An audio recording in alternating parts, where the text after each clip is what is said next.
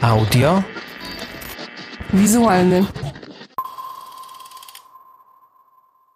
Dzień dobry lub dobry wieczór. Witam wszystkich. Nazywam się Karol Szafraniec, jestem filmoznawcą, kulturoznawcą i zapraszam na kolejny odcinek mojego podcastu pod tytułem Audiowizualny.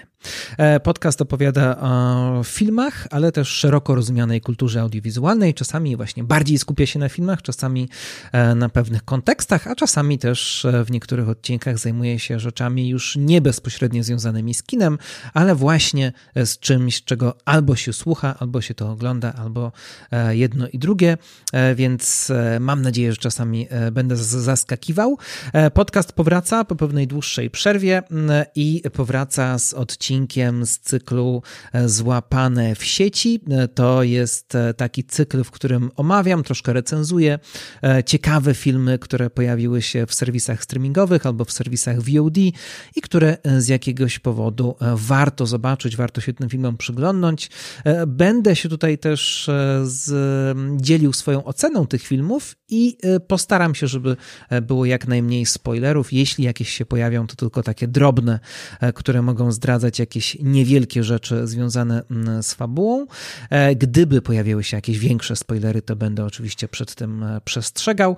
E, no i myślę, że to jest ostatni odcinek już z takiego mm, cyklu pod tytułem Złapane w sieci, dlatego że kina się otworzyły, otworzyły się w ogóle instytucje kultury. Liczę troszkę na to, że będziemy już mogli przez najbliższy czas, albo już po prostu w ogóle będziemy po prostu mogli chodzić do tych wszystkich miejsc i po prostu będziemy mogli oglądać filmy w kinach. E, no i chciałbym oczywiście e, tutaj w audiowizualnym e, odnosić się, czy też opowiadać o filmach, które można oglądać e, w kinie, ale też e, chciałbym opowiadać o tych, które e, czasami będzie można zobaczyć tylko w sieci, więc pewnie to się będzie łączyć jakoś, czy mieszać w kolejnych odcinkach, dlatego ten tytuł złapany w sieci już nie będzie miał sensu. Pewnie po prostu pojawią się odcinki pod tytułem recenzje, wtedy, kiedy będę recenzował właśnie jakieś nowe rzeczy.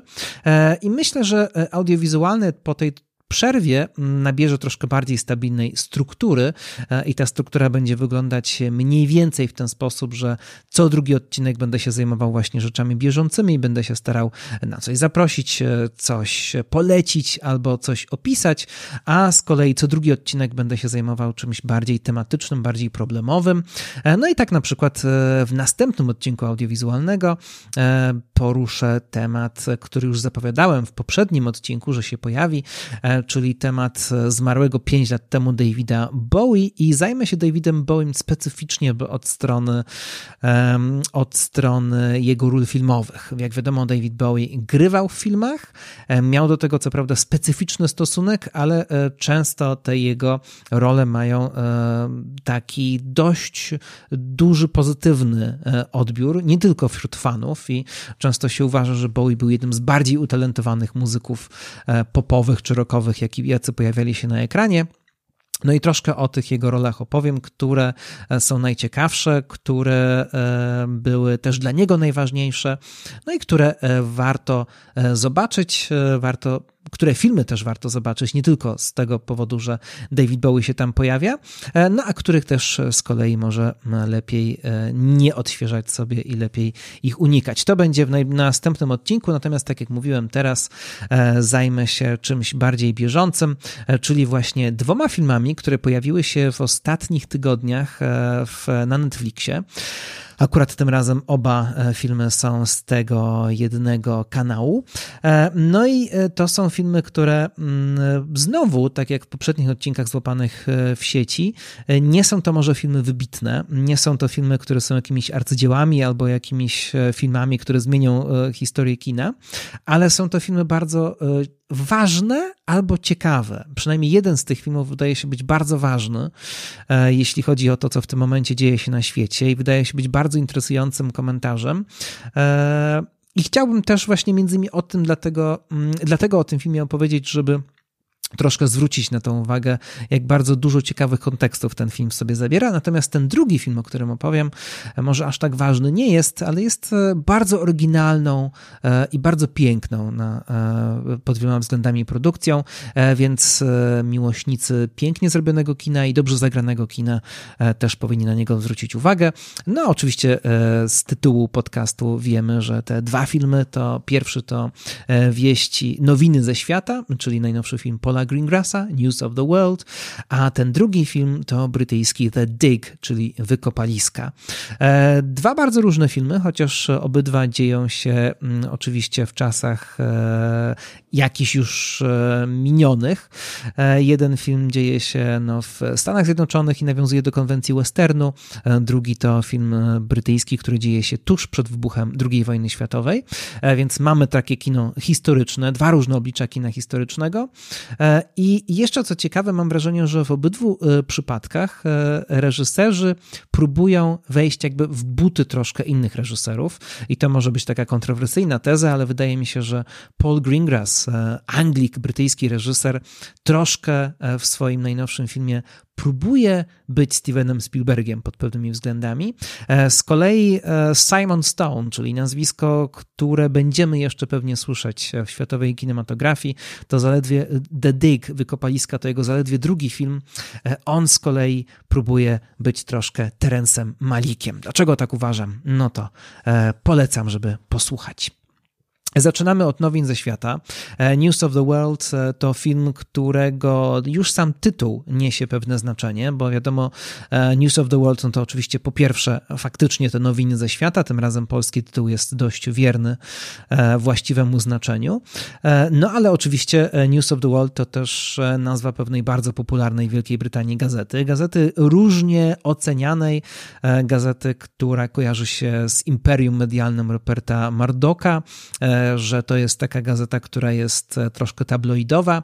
E, no ale w każdym razie pewnie e, akurat odniesienie do tego konkretnego tytułu gazety nie miało aż takiego znaczenia przy tym filmie, ale fakt, że to się kojarzy z konkretną gazetą od razu mówi nam, troszkę nam ustawia ten film, to znaczy mówi nam troszkę o tym, że jest to film, w którym temat mediów ma czołowe znaczenie. No a drugi ważny temat to Ameryka i Stany Zjednoczone, dlatego że Paul Greengrass sięga tutaj po konwencję e, filmu historycznego, sięga po konwencję westernu, e, w dodatku takiego westernu, który dzieje się zaraz po po zakończeniu, pięć lat po zakończeniu wojny secesyjnej, kiedy Ameryka jeszcze cały czas jest bardzo podzielona, dzieje się na południu, dzieje się w Teksasie, więc z jednej strony dotyka tutaj jakby pewnej bardzo ważnej tradycji, która też pojawia się w kinie amerykańskim, e, no ale też e, dotyka pewnych takich ran, które dotyczą społeczeństwa amerykańskiego i podziałów, które przecież tak naprawdę cały czas w jakimś sensie istnieją. Często przy okazji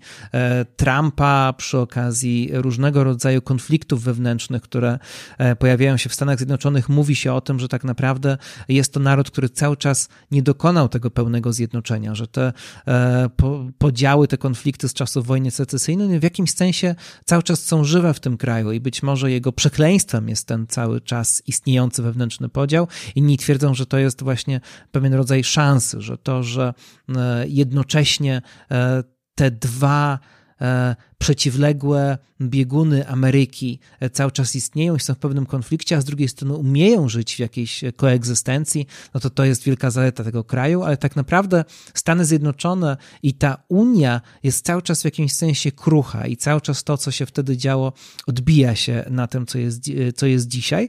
No i tutaj ewidentnie widać, że Paul Greengrass właśnie stara się robić taki film, który jest pełen podtekstów, który odnosi się do no, współczesności, który odnosi się do ery post-Trumpowej, ale oczywiście nie tylko dotyczy to Ameryki. Paul Greengrass jako Anglik z pewnością też tutaj odnosi się do Brexitu. Jego własny kraj jest przecież e, równie mocno e, w tym momencie podzielony, no a w Polsce przecież ten film także e, w tym momencie nabiera tych samych znaczeń i tak samo je czujemy, bo przecież i nasz kraj jest bardzo mocno podzielony, a tak się akurat składa, że News of the World wszedł do dystrybucji Netflixowej w tym samym tygodniu, w którym w Polsce miał miejsce protest mediów, więc my też zastanawiamy się nad mediami, nad wolnością mediów, nad e, funkcjonowaniem mediów i nad tym, po co właściwie e, media są, zwłaszcza media, które e, mają być niezależne.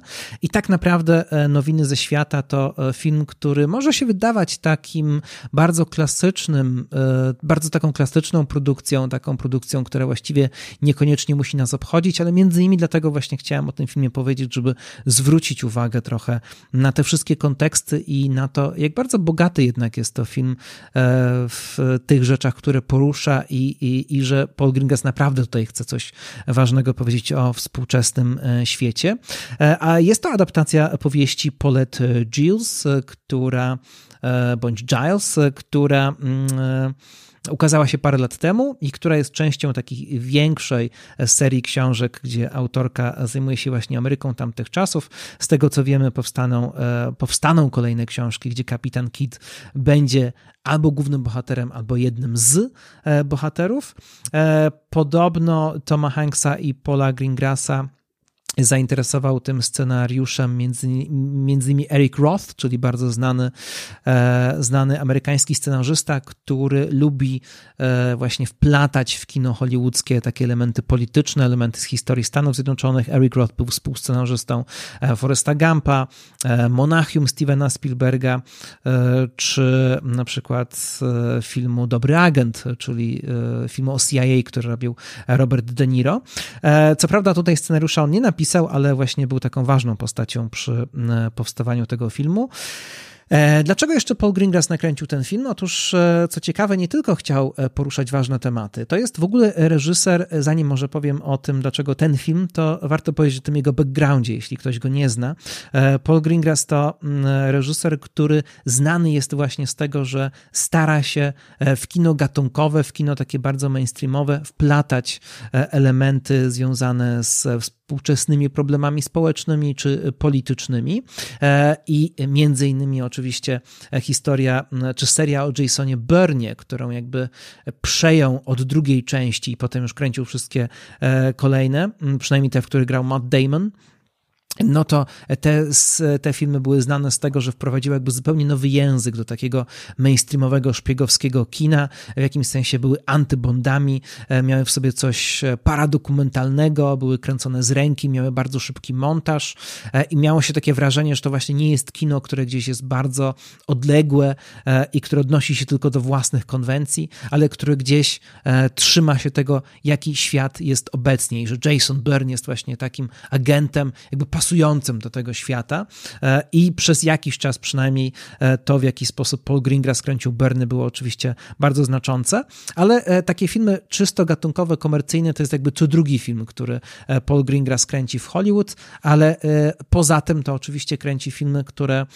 faktycznie są takimi jakby paradokumentalnymi rekonstrukcjami jakichś ważnych wydarzeń społeczno-politycznych, które zmieniają troszkę oblicze świata. E, słynny film Krwawa Niedziela, e, za który, którym wygrał festiwal w Berlinie, e, film o masakrze w Irlandii Północnej. To był film, który tak naprawdę sprawił, że mm, Paul Greengrass stał się sławny i który pokazywał bardzo mocno jego wrażliwość społeczną, ale też właśnie to, że mm, potrafił w kinie fabularnym jakby stworzyć taką mm, bardzo pieczołowitą rekonstrukcję autentycznych wydarzeń i jednocześnie zrobić to w taki sposób, że piorunujące to wrażenie robiło na widzu, że naprawdę trzymało to w, na, to w napięciu. Potem powtórzył coś takiego w locie 93, e, potem w e, filmie o masakrze e, na wyspie Utoja.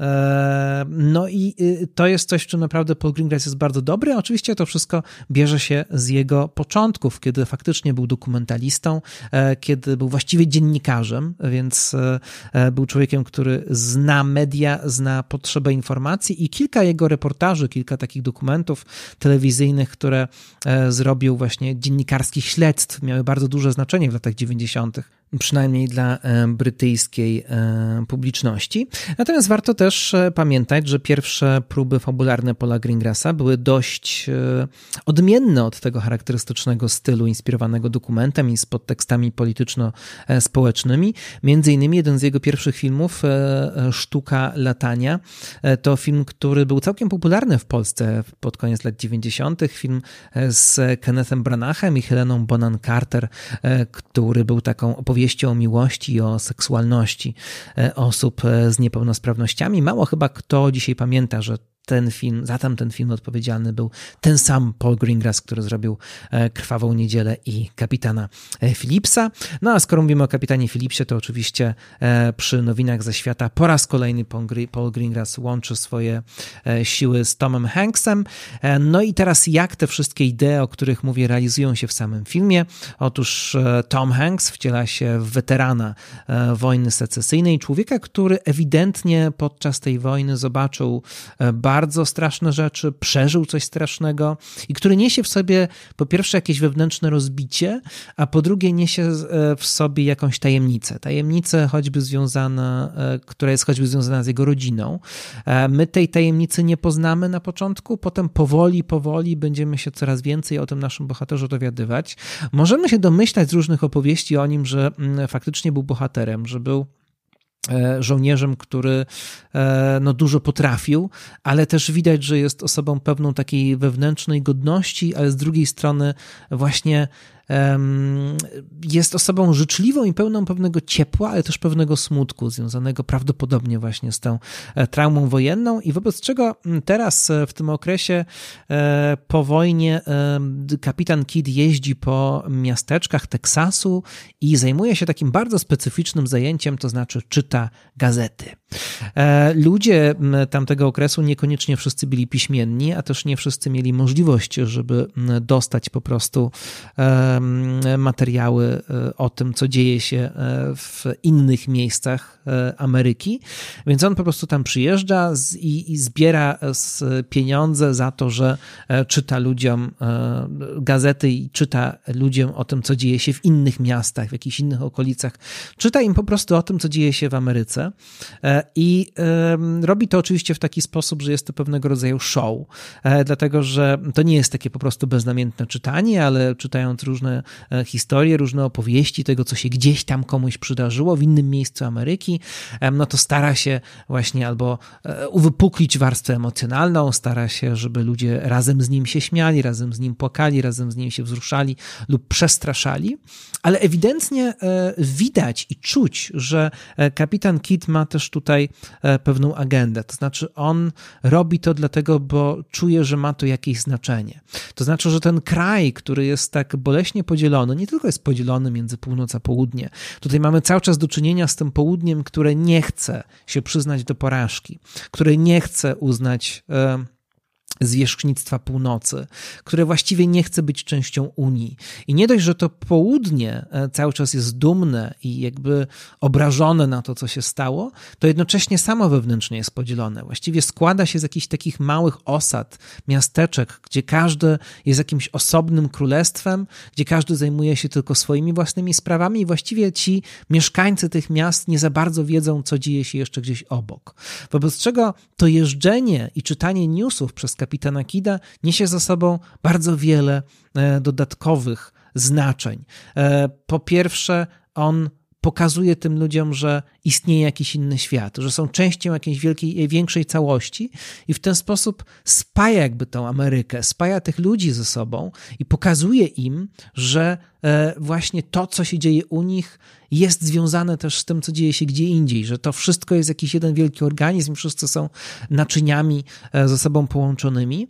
E, pokazuje im, że ich sytuacja nie jest beznadziejna, że pewne problemy, które oni mają, mają też ludzie gdzie indziej, że być może że gdzie indziej sobie z tymi problemami po, poradzili, więc oni też mogą. Daje im inną perspektywę. Często mieszkańcy takich miasteczek jakby znają tylko to, co ci, którzy aktualnie przejęli w takim miasteczku władzę, im mówią i im narzucają. Tymczasem nagle Tom Hanks przyjeżdżając, jakby rozbija taką narrację, rozbija ten jeden punkt widzenia, który w danym miasteczku obowiązuje i z jednej strony oczywiście wnosi niepokój, przede wszystkim ten niepokój się pojawiał władzy, ale z drugiej strony też pokazuje ludziom, daje mieszkańcom jakiś rodzaj podmiotowości. No ale jeszcze do tego wszystkiego, poza tym jakby polityczno-społecznym wydźwiękiem jego pracy, e, daje im po prostu wytchnienie, przez to, że daje im, czyta im wesołe opowieści, że czyta im e, opowieści, które jakby e, w jakiś sposób emocjonalnie są ciekawe, no to ci ludzie też przez chwilę odczuwają coś innego, a jednocześnie jeszcze słuchając Toma Hanksa razem, to jest zresztą taka stara prawda o słuchaniu opowieści, tworzy się jakaś wspólnota, wobec czego dzięki niemu tworzy się wspólnota i w tych miasteczkach, do których przyjeżdża, a jednocześnie ci ludzie zaczynają mieć poczucie łączności z jakimiś innymi ludźmi, że są częścią jakiejś większej e, idei, jakiejś większej całości niż właśnie e, tylko, e, że nie istnieją tylko sami dla siebie. No i tak Tom Hanks sobie jeździ i w pewnym momencie trafia na mm, małą dziewczynkę. Małą dziewczynkę, która jest porzucona, która jak się okazało została porwana przez Indian kiedyś, dawno, dawno temu. Z tymi Indianami spędziła bardzo dużo czasu, więc prawdopodobnie czuje się już częściowo Indianką.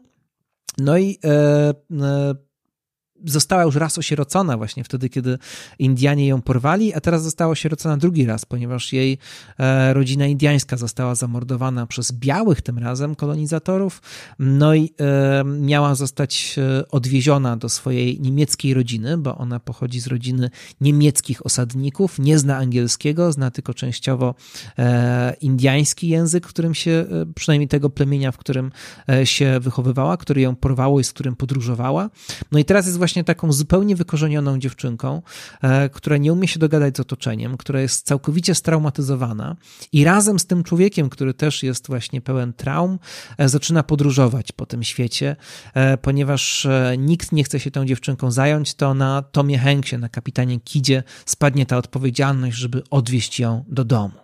No i po drodze oni oczywiście podróżują po tej Ameryce, e, uczą się siebie nawzajem. To się taka bardzo piękna, oczywiście bardzo hollywoodzka też opowieść e, tworzy o mm, więzi między tym dzieckiem a kapitanem Kidem, ale jednocześnie właśnie jest ta opowieść o tym jednoczeniu tej Ameryki o tym łączeniu tego świata, który składa się z jakichś takich atomizowanych części. E, no i oczywiście mamy tutaj e, różne też tropy, do których e, Greengrass nawiązuje, a właściwie nawiązywała też autorka książki Paulette Giles, bo oczywiście film mm, jest bardzo mocno zakorzeniony w archetypach westernowych. Między innymi sporo tutaj mamy odniesień do poszukiwaczy Johna Forda. Nawet kilka recenzji amerykańskich tego filmu ma podobne podobne tytuły, to znaczy, że Tom Hanks e, w filmie, w którym prawdziwe męstwo, e, czyli też klasyczny western z Johnem Wayne'em spotyka e, poszukiwaczy. Poszukiwacze to oczywiście wielkie arcydzieło i ja zresztą bardzo zachęcam do tego, żeby ten film zobaczyć, jeśli ktoś go jeszcze nie widział. Ładnie się, ładnie się komponuje w towarzystwie nowin ze świata. E, to zresztą jeden z najpiękniej sfotografowanych filmów e, klasycznego Hollywoodu.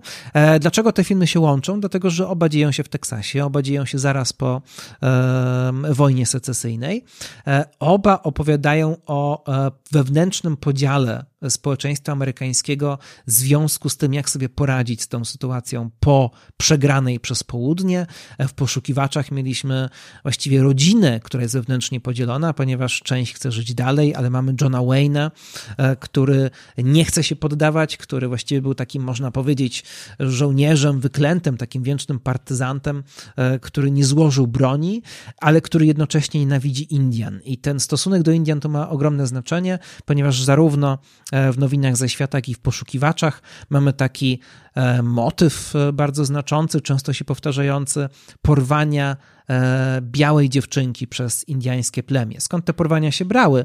No oczywiście biali kolonizując, wychodząc jakby coraz bardziej na zachód i przejmując te tereny dla siebie, no wkraczali na ziemię indyjskie i Indianie często w ramach walki o te swoje tereny lub w ramach zemsty E, mordowali rodziny, e, które sobie gdzieś tam zamieszkiwały i budowały swoje domostwa i porywały właśnie często stamtąd e, między innymi dziewczynki, które potem e, stawały się częścią takiego e, plemienia i w jakimś sensie właśnie te białe dziewczynki potem stawały się Indiankami i były takimi osobami, które nie były w pełni Indiankami, a jednocześnie już były wyklęte przez białych i właśnie ta postać Johna Wayne'a w Poszukiwaczach to człowiek, który uważa, że te kobiety, które związały się już z Indianami, które żyją z tym plemieniem, one już białe nie są. A jednocześnie Poszukiwacze to taki film, e, gdzie te lata, film z lat 50., który pokazuje pewną mocną zmianę e, w myśleniu, taki moment przełomowy e, w myśleniu amerykańskim o Indianach, gdzie jeszcze wcześniej w tych klasycznych westernach Indianie byli mięsem armatnim, byli ewidentnie źli i właściwie tylko do nich strzelano, a były uosobieniem wszelkiego możliwego demonizmu, to właśnie w Poszukiwaczach już mamy troszkę inne do tego podejście, mamy zniuansowane postawy, ale jednocześnie mamy ten potężny konflikt tak naprawdę wśród tych białych Amerykanów, co teraz dalej zrobić i wobec Indian, i wobec końca wojny secesyjnej, która skończyła się w taki, a nie inny sposób. No i tutaj mamy podobnie, właśnie mamy podobny wątek i mamy e, też e, bardzo piękną jedną sekwencję, e, kiedy w pewnym momencie kapitan Kit z tą dziewczynką trafiają do tej osady, w której ta dziewczynka kiedyś mieszkała jako bardzo małe dziecko i tam jest sporo już wprost wizualnych odniesień do właśnie poszukiwaczy.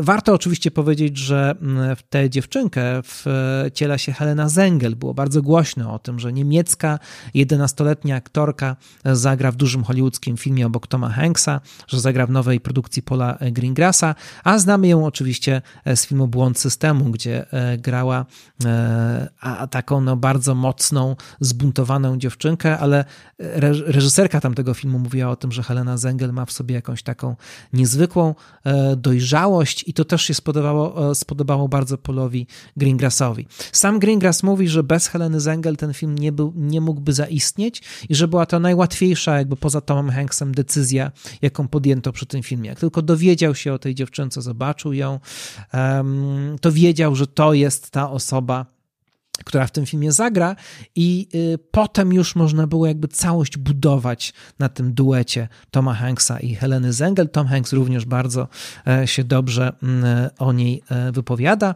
Natomiast on sam zagrał e, no, w taki charakterystyczny mm, dla siebie sposób. Myślę, że można zaryzykować stwierdzenie, że Tom Hanks jest takim współczesnym Henrym Fondą.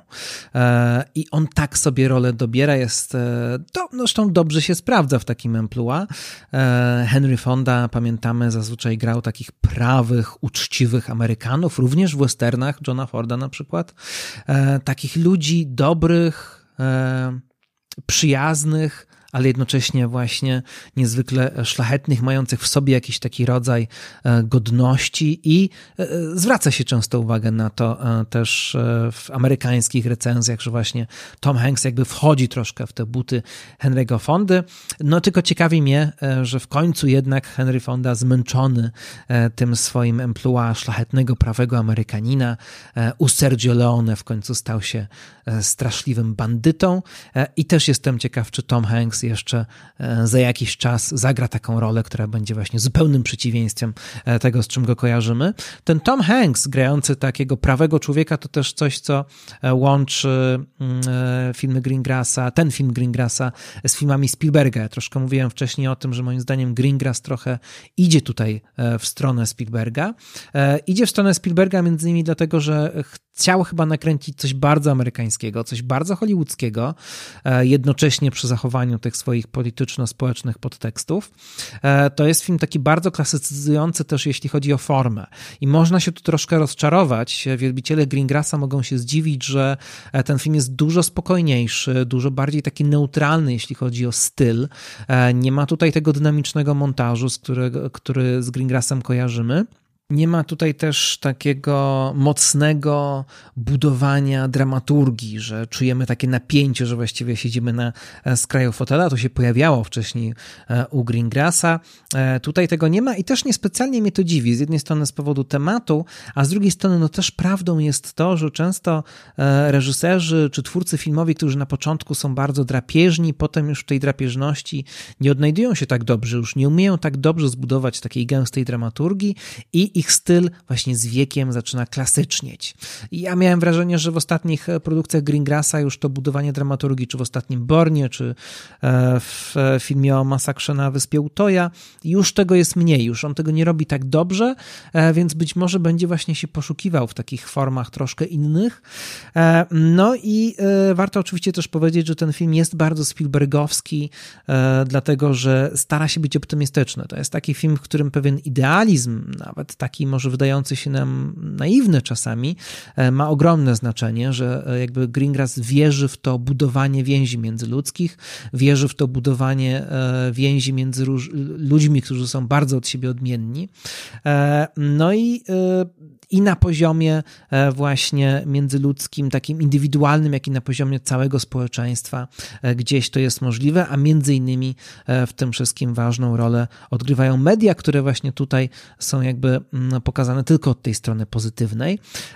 Poza tym ma, jest tutaj też pewien aspekt metafilmowy, bo Greengrass cały czas powtarza, że to jest film o uzdrowiającej mocy opowiadania historii, że to, my, to, że my sobie historię opowiadamy, e, ma mm, ogromne znaczenie i w jakimś sensie to, co robi kapitan Kit, to jego przedstawienia, to przecież jest mniej więcej to samo, co potem robi kino, więc Greengrass widzi samego siebie, też e, twórców filmowych, jako spadkobierców takich kapitanów kidów.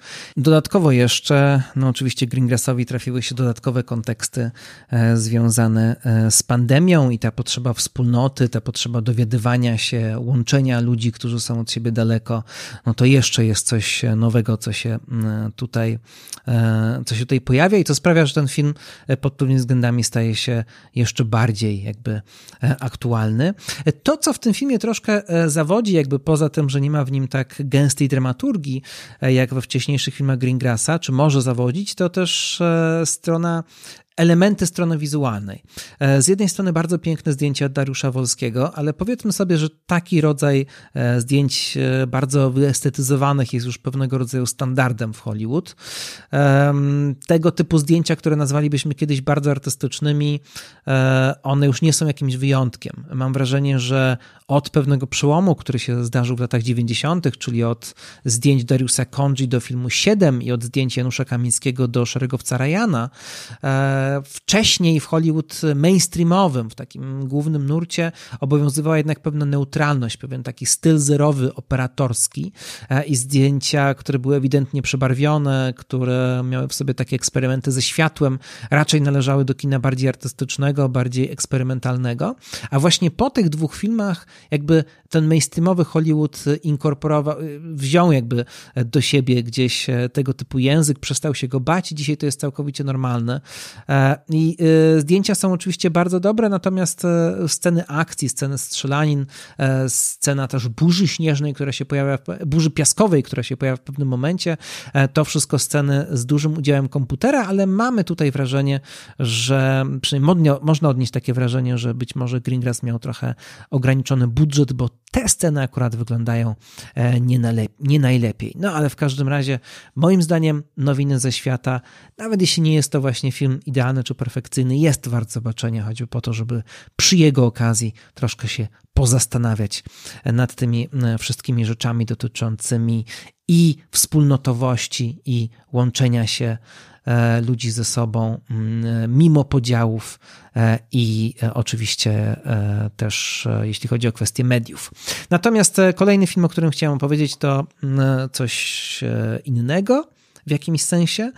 Film The Dig, czyli Wykopaliska. Film brytyjski, aczkolwiek nakręcony przez bardzo ciekawą chyba postać Simona Stone'a, nominalnie Australijczyka, ale mieszkającego w bardzo różnych miejscach w Europie e, w ciągu swojego życia. E, I film, który z jednej strony właśnie jest bardzo brytyjski, ale z drugiej strony wnosi jakby pewien e, taki, takie świeże spojrzenie troszkę na taki temat, wydaje się bardzo brytyjski, na coś, co jest też bardzo angielskie, czyli taki period drama, czyli taki film, który dzieje się w czasach historycznych, który dzieje się w na angielskiej prowincji, w takim bardzo angielskim krajobrazie. I wydaje się, że to jest coś bardzo mocno skonwencjonalizowanego, że Anglicy bardzo umieją robić takie e, właśnie, właśnie filmy, zwłaszcza kiedy opowiadają o uczuciach, nawet jeśli to są takie bardzo kameralne historie, e, to jakby jest pewien cały gotowy zestaw narzędzi, które brytyjskie kino ma po to, żeby tego, historii, tego typu historie opowiadać. No i kiedy zasiadamy do takiego no, The Dig, E, czy wykopalisk, no to wydaje nam się właśnie, że już wiemy, co za chwilę zobaczymy. I wtedy właśnie możemy się pozytywnie zdziwić, bo Simon Stone postanowił taką, wydawałoby się, bardzo klasyczną historię opowiedzieć troszkę inaczej i moim zdaniem w dużym stopniu odnosi tutaj zwycięzca, zwycięstwa. Do czego ten film nawiązuje? Otóż nawiązuje do wydarzeń, które miały miejsce tuż przed wybuchem II wojny światowej. Rzecz dzieje się w Suffolk, czyli południowo-wschodnia Anglia E, taka Anglia, gdzie wiadomo było, że tam właśnie osiedlali się ci najstarsi e, anglosascy e, osadnicy, którzy tam się pojawiali i że gdzieś po sobie pozostawili różne rzeczy. Archeolodzy przez wiele, wiele lat szukali różnych śladów. No i mamy tutaj panią Edith Pretty, e, która jest właścicielką dość dużego terenu.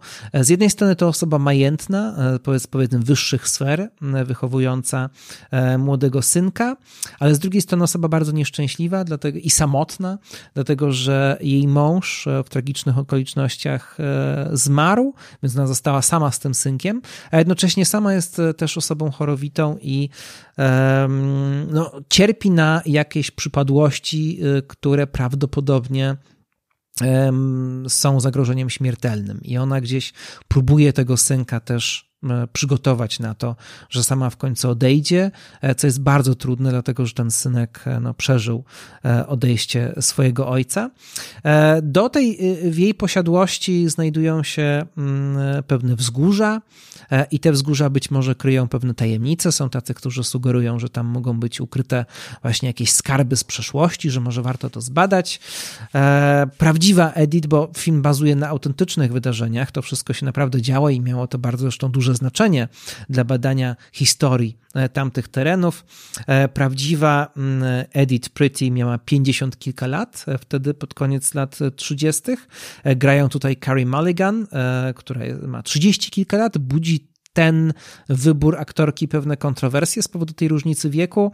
Tłumaczą się niektórzy twórcy tym, że miała tutaj grać Nicole Kidman, główną kobiecą rolę, ale ostatecznie była zajęta czym innym, więc akurat trafiła się Carrie Mulligan, która faktycznie no, jest prawie praktycznie 20 lat młodsza od osoby, którą gra ale robi to naprawdę e, świetnie i rola jest bardzo taka przejmująca, bardzo zniuansowana e, i w końcu e, ma być przede wszystkim wiarygodną bohaterką w samym filmie, a nie musi idealnie pasować do swojego realnego pierwowzoru.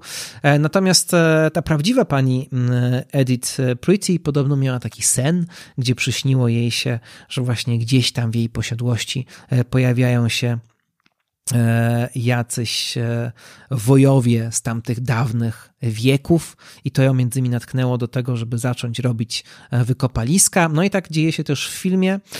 Pojawia się postać Bazyla Browna, bardzo ważna.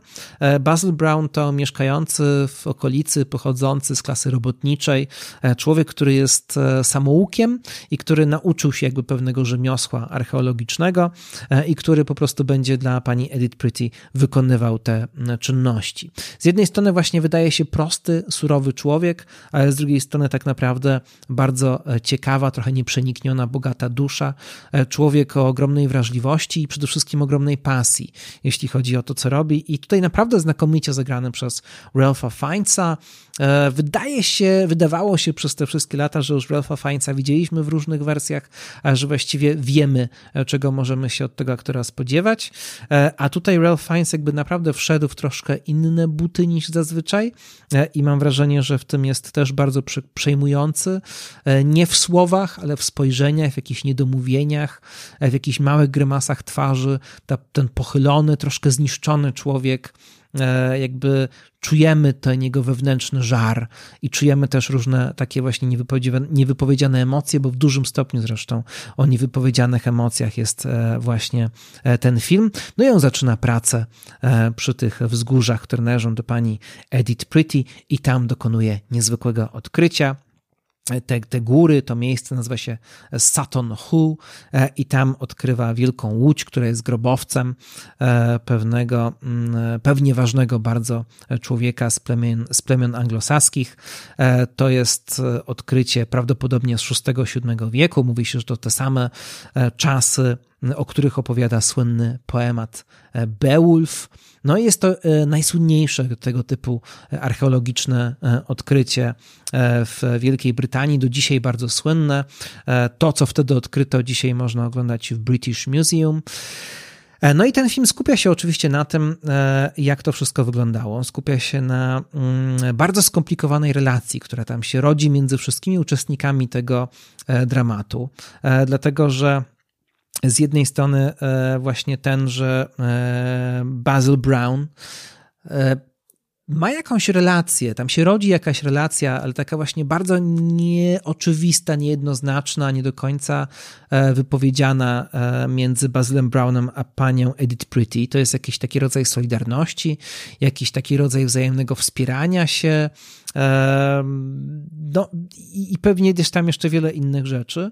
E, oboje mają swoje problemy, o których nie mówią, bardziej nawzajem je wyczuwają. E, no a do tego pojawiają się potem kolejne osoby, no bo kiedy okazuje się, że e, tak wielkie odkrycie jest dokonane, no to rząd brytyjski stwierdza, że powinni się tym zająć specjaliści. Przyjeżdżają ludzie z British Museum i oni uważają, że pan Basil Brown, który jest amatorem, który się sam nauczył tego, co robi, nie powinien tak naprawdę się tym wszystkim zajmować, e, wobec czego zaczyna się też pewnego rodzaju konflikt klasowy. E, w obliczu tego wszystkiego pani Edith Pretty jakoś powinna się ustosunkować.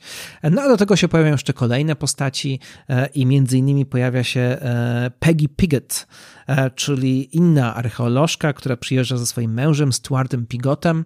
E, w filmie między nimi jest bardzo duża różnica wieku. E, naprawdę tak wielkiej różnicy nie było. Poza tym Peggy Pigot, którą gra Lily James w filmie, jest e, taką młodą, właściwie niedoświadczoną archeolożką, która raczej przyjeżdża dlatego, że jej mąż jest bardziej znany e, i która jeszcze z innych powodów jest zatrudniana, powiedzmy, mało merytorycznych do tej pracy. E, I to jest taki wątek, który mm, dla niektórych jest troszkę oburzający, ponieważ Margaret Guido, tak naprawdę nazywała się Peggy Piggott, E, była bardzo znaną archeolożką i już wtedy, e, kiedy pracowała przy Saturn Hu, była osobą z bardzo dużym dorobkiem, a jej mąż, e, który Stuart Pigot, który w filmie jest 20 lat starszy, przynajmniej grany przez aktora 20 lat starszego od Lily James, tak naprawdę był w tym samym wieku co ona.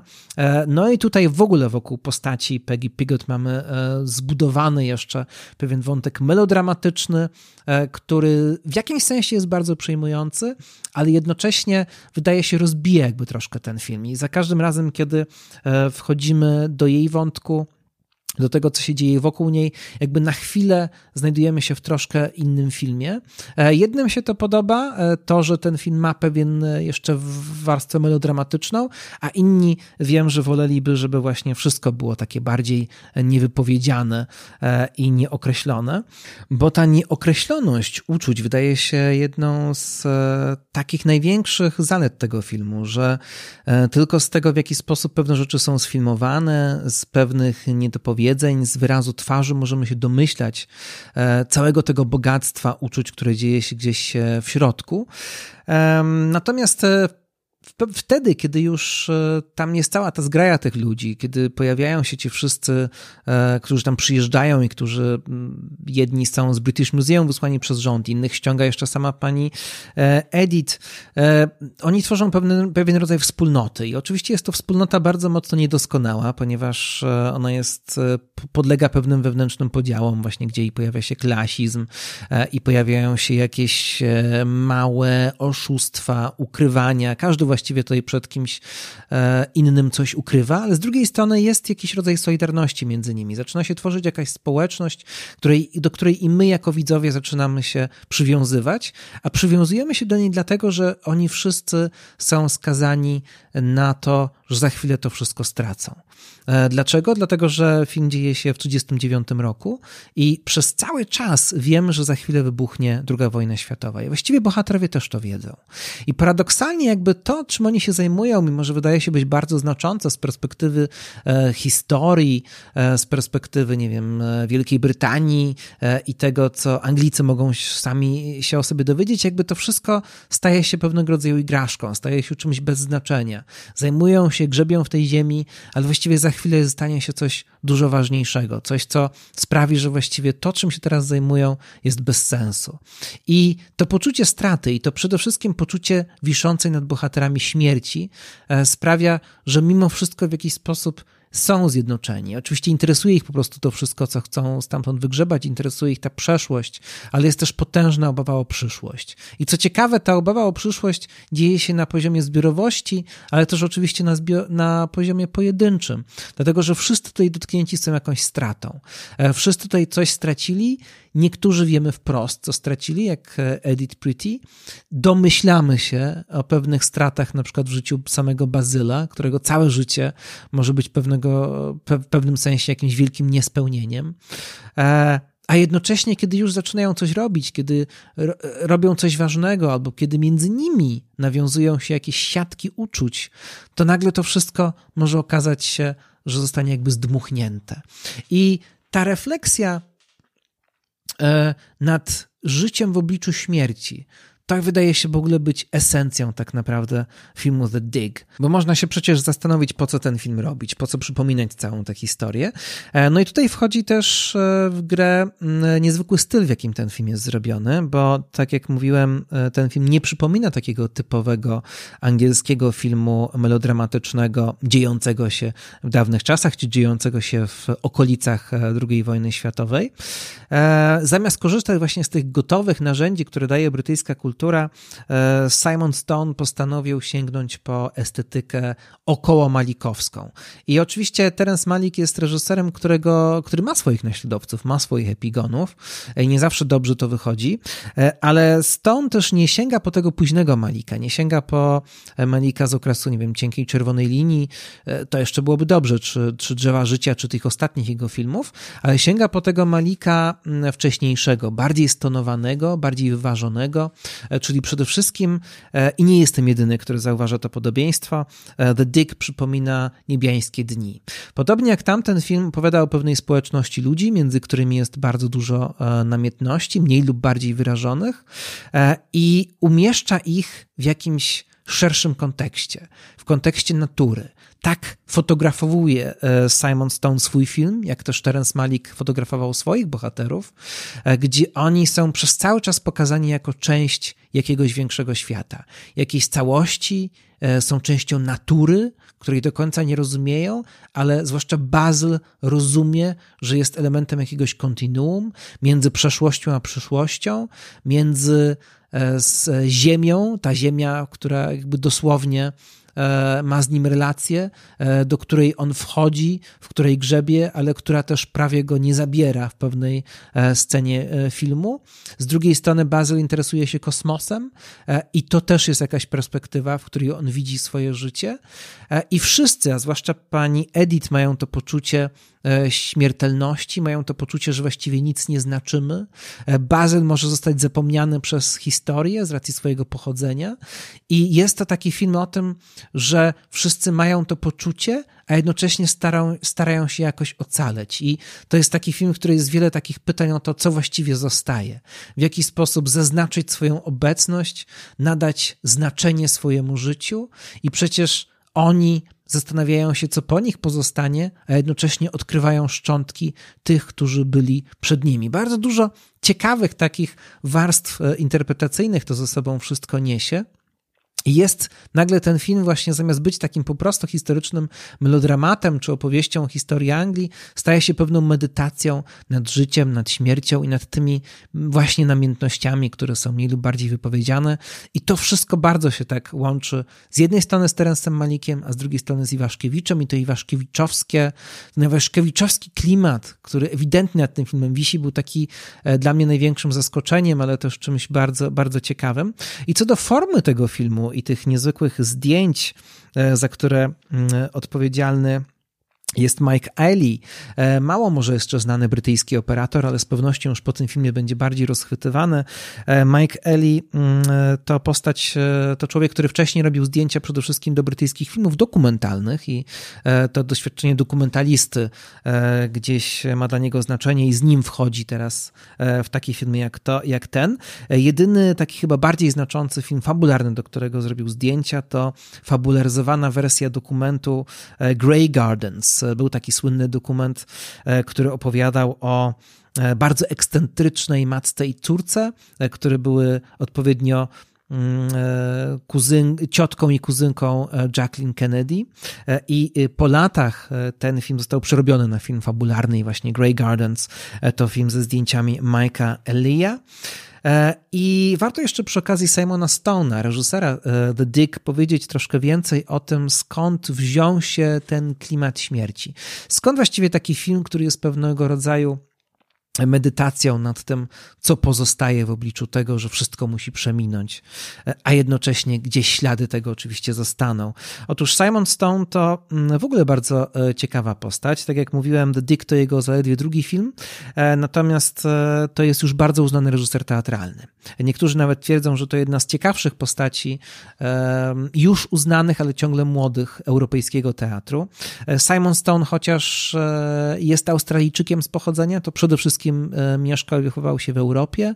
E, większość swojego życia mieszkał albo w Szwajcarii, albo w Wielkiej Brytanii, więc angielski klimat jest mu e, absolutnie znany. No i jest to, co ciekawe, człowiek bardzo zakorzeniony w europejskiej literaturze. W dużym stopniu jego spektakle to jest nowe spojrzenie na klasykę europejskiej literatury, a jego debiut fabularny, filmowy, film The Daughter, zrobiony w Australii, to de facto troszkę zreinterpretowana adaptacja Dzikiej Kaczki Ibsena. E, więc e, mamy tutaj już ten kontekst. No ale z drugiej strony jest tutaj też kontekst osobisty, który szczególnie w tej historii choroby Edith, Edith Pretty ma znaczenie. Mianowicie Simon Stone w wieku 12 lat był świadkiem śmierci własnej matki. Ona nagle zmarła E, i on, dziecko, był w tym momencie przy niej. Widział, jak ona, jak ona umiera, i było, jak on sam mówi, było to wydarzenie, które zaważyło na całym jego późniejszym życiu, e, które ustawiło go w jakimś sensie emocjonalnie i które on przepracowuje e, w całej swojej późniejszej sztuce. No i oczywiście, właśnie ten cień śmierci i też relacja przecież matki E, która wie, że będzie umierać i małego chłopca, e, to jest coś, co tutaj ma też ogromne znaczenie. Parę jeszcze kontekstów dotyczących powstania tego filmu, które wydają się być bardzo interesujące. E, The Dick powstał nie bezpośrednio na bazie faktów, ale na bazie książki, która te fakty opisuje w takiej zbeletryzowanej formie. Autorem książki jest John Preston, brytyjski dziennikarz i też autor komediowych sztuk teatralnych który napisał tą książkę dlatego, że jego ciotka to Peggy Piggott, właśnie grana przez Lily James. E, on jest jej bratankiem i kiedy dowiedział się po prostu, że jej, jego ciotka jest tak ważną postacią i brała udział w tak ważnym wydarzeniu, zaczął się tym bardziej interesować i e, postanowił literacko to opisać. I tutaj też są ciekawe kontrowersje, bo e, skoro postać Peggy Piggott jest tak bardzo zmieniona w stosunku do swojego pierwowzoru, no to niektórzy się zastanawiają, jak John Preston zareagował na ostateczny e, kształt filmu. Warto powiedzieć jeszcze kilka słów o Bazilu Brownie. E, grany przez Ralpha Fiennesa człowiek e, był niezwykle interesujący i my się też z filmu tak wiele nie dowiadujemy, ponieważ zdecydowanie w tej konwencji, którą postanowił Simon Stone zastosować, tak naprawdę wnętrze i życiorys Bazyla Brauna e, też wynika z niedopowiedzeń. My przede wszystkim mamy czuć jego emocje, które gdzieś tam wibrują w powietrzu, ale nie dowiadujemy się o nim aż tak wiele. E, oczywiście dowiadujemy się, że jest amatorem, że jest e, przez cały czas jakby dyskryminowany przez tych, którzy mają formalne wykształcenie, ale naprawdę prawdziwy Basil Brown był postacią fenomenalną, niezwykle interesującą. Człowiek, który faktycznie w wieku 12 lat musiał porzucić szkołę, ale cały czas we własnym zakresie się edukował. Skończył, najpierw skończył korespondencyjnie średni etap edukacji, no a potem uczestniczył korespondencyjnie w różnych kursach, gdzie nauczył się podstaw, podstaw geologii, podstaw archeologii i astronomii. Astronomia była jego też wielką, wielką pasją. W rozmowach z tym małym chłopcem, zwłaszcza w filmie, to jest widoczne. No i um, potem po tych wykopaliskach Saturn Hu e, przez jeszcze długi czas e, Basil Brown kontynuował e, różnego rodzaju zajęcia z tego zakresu i faktycznie pozostał takim prowincjonalnym ekspertem. Tak pracował, że kiedy po prostu żaden profesjonalny na, naukowiec nie mógł e, zaradzić jakimś problemom, no to wtedy ludzie będący na miejscu zwracali się do Bazyla Browna. E, Basil Brown e, no, większość swojego czasu poświęcał na te swoje pasje i co jest niesamowite zupełnie, nauczył się zupełnie we własnym zakresie łaciny i nauczył się francuskiego, którym posługiwał się potem biegle, a właśnie całkowicie zrobił to jakby sam z siebie, więc niezwykle ciekawa postać, potem zapomniana przez historię z racji niewłaściwego pochodzenia, teraz teraz przypominana e, i przez instytucje brytyjskie oficjalne, ale między innymi też przez e, takie filmy i książki jak The Dig. E, warto jeszcze powiedzieć o takiej małej historii, takiej anegdocie, która w tym filmie się pojawia, a e, często w internecie pojawiają się pytania, czy to jest prawdziwa historia. Otóż e, Lily James, Peggy Pigot opowiada w pewnym momencie taką opowieść o Beatrice Harrison, o kobiecie, która grała na wiolonczeli i która, kiedy grała, to słowiki zaczynały śpiewać razem z nią. I to tak było na tyle ciekawe, że ona zawiadomiła media o tej sytuacji i BBC wtedy przyjechało i nagrało E, taki fragment, kiedy ona gra na wiolonczeli, a słowiki zaczynają śpiewać. I ta historia jest jak najbardziej autentyczna. E, postać Beatrice Harrison była bardzo fascynująca dla wielu osób. Powstało o niej kilka książek i kilka filmów dokumentalnych i reportaży, a między innymi na YouTubie można odsłuchać autentycznego nagrania właśnie z tej sesji dla radia BBC, kiedy e, Beatrice Harrison gra, a słowiki śpiewają razem z nią. E, jeśli chodzi o taką warstwę recenzencką, to myślę, że The Dig to film, który naprawdę warto zobaczyć. To film, który ma taki medytacyjny, kontemplacyjny nastrój i robi ogromne wrażenie e, tym swoim niewypowiedzianymi namiętnościami i tą swoją warstwą wizualną. E, I to, co mnie, co, co mi się bardzo podobało, to fakt, jak ten film jest bardzo wyważony, ponieważ jakby poszczególne jego elementy mogą być nie takie doskonałe, ale jakoś Simon Stone złożył to w całość, która gra. I to ma mm, malikowskie takie, te malikowskie obrazy i to, że ten film ma taką bardzo, e, bardzo duży kładzie nacisk na tą swoją warstwę stylistyczną, to mogło się nie udać, bo to mogło sprawić, że powstanie film, który jest zachwycony własnymi obrazami, tak jak to się dzieje w ostatnich filmach Terensa Malika, a tego właśnie tutaj nie ma. Jest pewna powściągliwość mimo wszystko e, w tej poetyzacji przestrzeni i poetyzacji świata, e, a z drugiej strony dzięki temu, że ten film jest tak bardzo wystylizowany momentami, że jest tak bardzo poetycki w pewnych sytuacjach, to to pozwala równoważyć, jakby przykryć pewne milizny scenariuszowe, że te, te wątki nie zawsze są równie dobrze napisane, nie wszystkie postaci są e, równie ciekawie nakreślone i dzięki temu powstaje w tym filmie e, jakaś równowaga i dzięki temu staje się on bardzo intrygujący i właśnie mimo tych wszystkich wad bardzo polecam polecam The Dig i myślę, że warto Simonowi Stonowi się przyglądać. Także e, dwa filmy, myślę, bardzo ważne i oba chyba na swój sposób e, podnoszące mimo wszystko na duchu, a na pewno oba o tym, że potrzebujemy siebie nawzajem i potrzebujemy jakiejś więzi e, międzyludzkiej bardzo różnego rodzaju. Nowiny ze świata Paula Greengrassa i wykopaliska Simona Stone'a te filmy polecam. Bardzo dziękuję za uwagę. Tak jak mówiłem w następnym odcinku, David Bowie. A jeśli się komuś podobało, to zachęcam do śledzenia audiowizualnego e, we wszystkich chyba serwisach streamingowych, gdzie są podcasty, a też jestem na YouTubie. Na Facebooku również można mnie odwiedzić i napisać, co się myśli o tym całym moim gadaniu. Dziękuję bardzo. Do usłyszenia. Polecam.